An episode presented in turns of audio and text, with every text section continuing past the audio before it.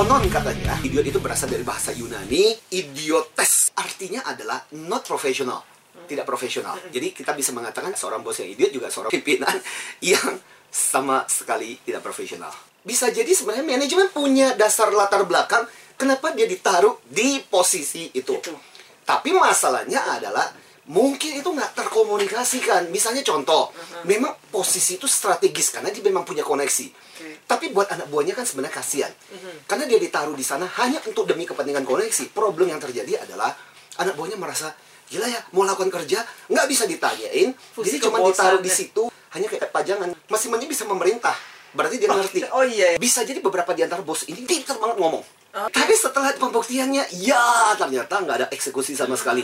Planning and planning and strategi and ide. Problem terbesar adalah ketika udah sadar, tingkat kerusakannya mau ganti udah terlalu capek. Kadang-kadang butuh setahun dua tahun untuk mendeteksi bahwa ternyata bos seperti ini tidak bermanfaat. Saya mau cerita sedikit dari bukunya John Hoover, How to Work with an Idiot. Di dalam bukunya tersebut, John Hoover kemudian menceritakan bahwa bos itu pada dasarnya dia bagi menjadi 10 kategori. Nah, 9 kategorinya masuk yang kategori idiot. Jadi bayangkan peluang Anda untuk mendapatkan bos bagus itu sepersepuluh. Jadi good boss adalah bos yang betul-betul menginspirasi, bos yang paham dengan kita, bos yang bisa berfungsi dua. Fungsi sebagai manajer, fungsi sebagai leader. Fungsi leader untuk memanage orang, strategi, jelas mau dibawa ke mana. Fungsi manajernya juga jalan. Manage pekerjaan rutin sehari-hari untuk mencapai target. Lucky dikatakan kalau Anda bisa punya bos yang seperti itu. Tapi ada good boss, ini ya God boss. Merasa maha tahu dan nggak bisa dilawan. Actually, dia nggak tahu apa-apa. Cuman menggunakan kekuasaan dia untuk membuat orang merasa pokoknya lu dengerin gue deh. Kemudian ada Machiavellian boss, ambisius, nginjak. Dan yang berikutnya adalah sadistic boss. Dia senang ketika anak buahnya sengsara. Ada yang masochistic boss. Ini bos yang berkeluh kesah hobinya mengeluh. Terus ada yang paranoid bos, bos yang merasa kuatnya dan merasa terancam sama anak buahnya.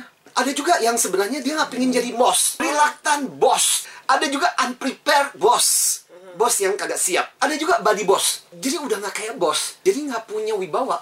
Idiot singkatan dari I, D, I, O, dan T. I, IQ-nya jongkok. Kadang-kadang nggak bisa diandalkan untuk menganalisa sesuatu. Berikutnya, D. Doyannya yang gampang dan malas. Kamu jangan kasih saya masalah lagi ya, oke ya? Kamu pecahin sana sendiri. Berikutnya, I. Isinya nggak ada. Pak, menurut Bapak gimana? Menurut kamu gimana? o.